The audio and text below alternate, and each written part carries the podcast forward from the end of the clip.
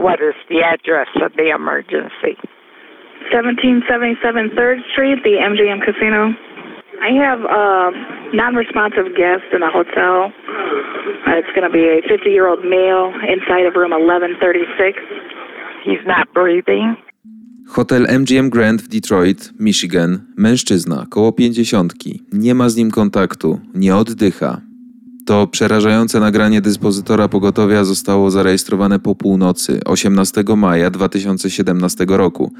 Ten mężczyzna koło pięćdziesiątki to lider grupy Soundgarden, Chris Cornell. Do dziś tak naprawdę nie wiadomo, dlaczego ikona grunge'u, jeden, no przyznam szczerze, z moich ulubionych muzyków, jeden z moich ukochanych głosów, które rozpoznamy przecież zawsze i wszędzie, odebrał sobie życie. Poznaj tajemnicze okoliczności śmierci gwiazd. Ostatnie dni legendy.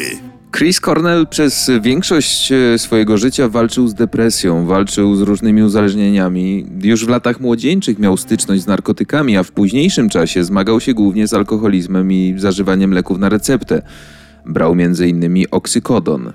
Przez to, jak pewnie pamiętacie, Soundgarden w 97 zawiesił swoją działalność.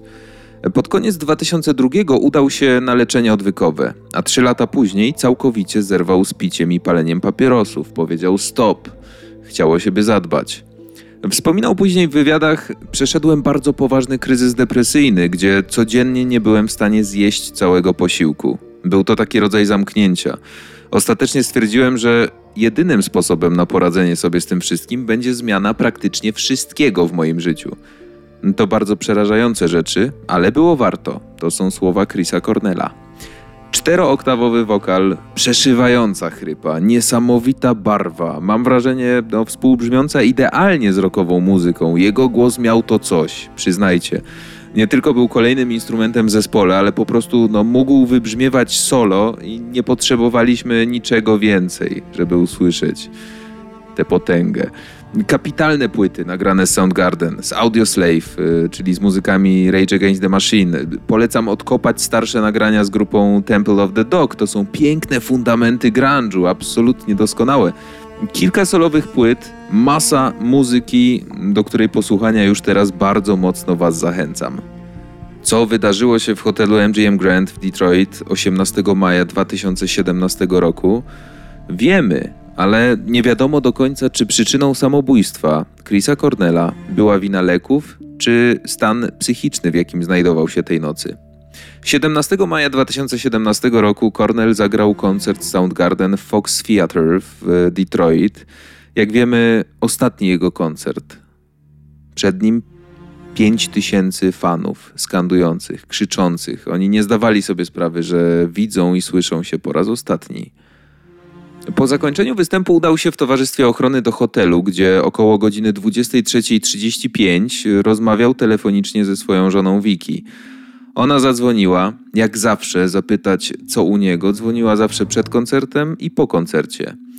Jego żona Vicky twierdziła później w zeznaniach, że tym razem również była z nim e, w kontakcie przed koncertem i po występie, przyznając, że z jednej strony nie zdradzał ówcześnie żadnych cech samobójczych ani stanu depresyjnego, jednak z drugiej strony potwierdziła, że zaniepokoił ją stan męża. Gdy rozmawialiśmy po koncercie, zauważyłam, że bełkocze, był jakiś inny. Gdy powiedział mi, że mógł wziąć jedną lub dwie dodatkowe tabletki Ativanu, zadzwoniłam do ochrony i poprosiłam, żeby sprawdzili, czy wszystko z nim dobrze. Ochroniarz Cornela, Martin Kirsten, zeznał policji, że poszedł do pokoju około godziny 12.15, ale nie mógł się dostać do pokoju hotelowego Chrisa Cornela. Drzwi były zamknięte. Ochrona oświadczyła, że nie może wpuścić go do pokoju 1136, ponieważ nie jest w nim zarejestrowany. To możemy przeczytać w raporcie policyjnym.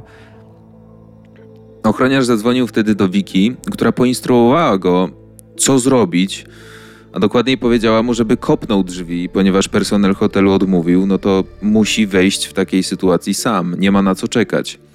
Kirsten jak usłyszał, tak zrobił. Kopnął w drzwi jakieś siedem razy, zanim się otworzyły, a następnie wszedł do środka. Kolejne drzwi do sypialni wokalisty też były zamknięte. Otworzył je kopnięciem. Wszystko relacjonował na bieżąco, na żywo, żonie Cornela, z którą cały czas rozmawiał przez telefon. Otworzył drzwi do łazienki i ten widok był naprawdę wstrząsający.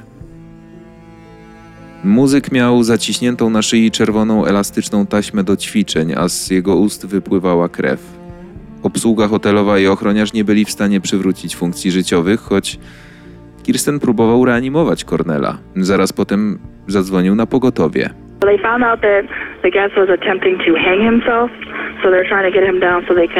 So CPR.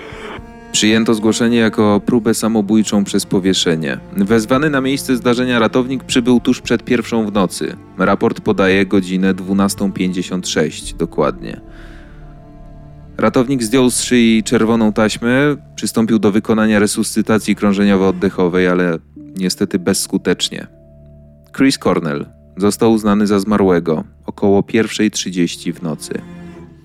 Godzinę i 15 minut po tym, jak jego ochroniarz po raz pierwszy skontaktował się z żoną Cornela Vicky, nie wiadomo ile czasu zajęło mu wejście do hotelu i odnalezienie muzyka, tego nie wiemy. Policja wykluczyła przestępstwo. Przeglądając nagranie z monitoringu, można zobaczyć, że nikt nie wchodził ani nie wychodził z apartamentu po tym, jak ochroniarz Cornela wyszedł około godziny 23.35. Z raportu możemy wyczytać, że Vicky, żona Chrisa, po tym jak dowiedziała się telefonicznie o śmierci swojego męża od jednego z detektywów, powiedziała wtedy do słuchawki, że ofiara jest uzależniona od narkotyków. W informacji koronera wskazano, że Cornell popełnił samobójstwo. Samobójstwo przez powieszenie przy użyciu czerwonej, elastycznej gumy do ćwiczeń przywiązanej do karabinka, który był umocowany między drzwiami a górną framugą.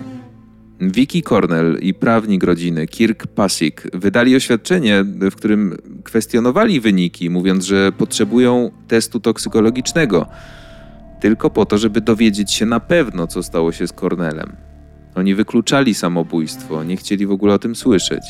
Raport wykazał ślady kilku leków wydawanych na receptę, w tym butalbitalu, naloxonu i pseudoefedryny. Z tego raportu wynikało również, że przed śmiercią wokalista zażył cztery tabletki Ativanu. W żołądku Cornela nie znaleziono żadnych pigułek. Wdowa po Cornelu stwierdziła, że Ativan został mu przepisany w 2016 roku jako środek nasenny. W sieci można znaleźć e, zdjęcia z pokoju hotelowego Cornela. No, są oczywiście dramatyczne, ale widać na nich, że recepta na Ativan wynosiła dokładnie jedną tabletkę braną co 12 godzin. Jego żona Vicky wydała wtedy kolejne oświadczenie, w którym przyznała: Wielu z nas, którzy dobrze znają Chrisa, zauważyło, że przez ostatnie godziny nie był sobą i że coś było nie tak. Dowiedzieliśmy się z tego raportu, że w jego systemie znaleziono kilka substancji. Wydaje się, że po tylu latach trzeźwości ten moment straszliwej oceny całkowicie zaburzył i zmienił jego stan umysłu. Coś wyraźnie poszło nie tak i moje dzieci i ja jesteśmy załamani i zdruzgotani, że tej chwili nigdy nie można cofnąć. Bardzo doceniamy całą miłość, jaką otrzymaliśmy w tym niezwykle trudnym czasie i jesteśmy oddani pomaganiu innym w zapobieganiu tego typu tragediom. Cornell kilka razy publicznie mówił o swojej walce z depresją, z izolacją, z myślami samobójczymi. Sam twierdził, że leki, które brał, zostawiały głęboką bliznę na jego psychice. Być może właśnie te kilka tabletek za dużo zmieniło jego życie w ciągu jednej nocy. Wspominał wielokrotnie, że stał się introwertykiem, doświadczał lęku, depresji przez ponad dwa lata. Być może wtedy, w łazience hotelu MGM Grand, było tak, jak twierdzi jego żona, że winą pogorszenia jego stanu było wzięcie kilku tabletek więcej. Ciało Chrisa Cornella zostało skremowane 23 maja 2017 roku. Jego pogrzeb odbył się 26 maja na cmentarzu Hollywood Forever w Los Angeles. Chrisa Cornella pożegnali najbliżsi.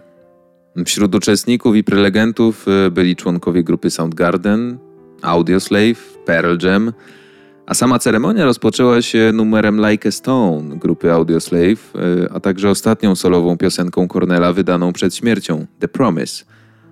Prochy Chrisa Cornella zostały umieszczone obok grobowca jego przyjaciela, Johnego Ramone. Chester Bennington, o którym też możecie posłuchać w odcinku podcastu Ostatnie Dni Legendy, wykonał utwór Hallelujah Leonarda Coena dla swojego przyjaciela, Chrisa Cornella, do którego muzyki za moment wracam i Wam polecam zrobić to samo. Jednocześnie zostawiam Was z wykonaniem Hallelujah Chestera Benningtona.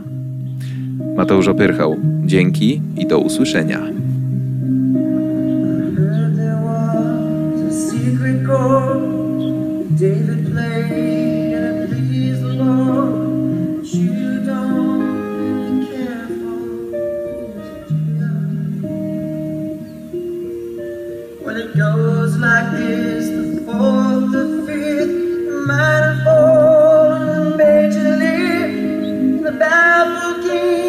goodbye.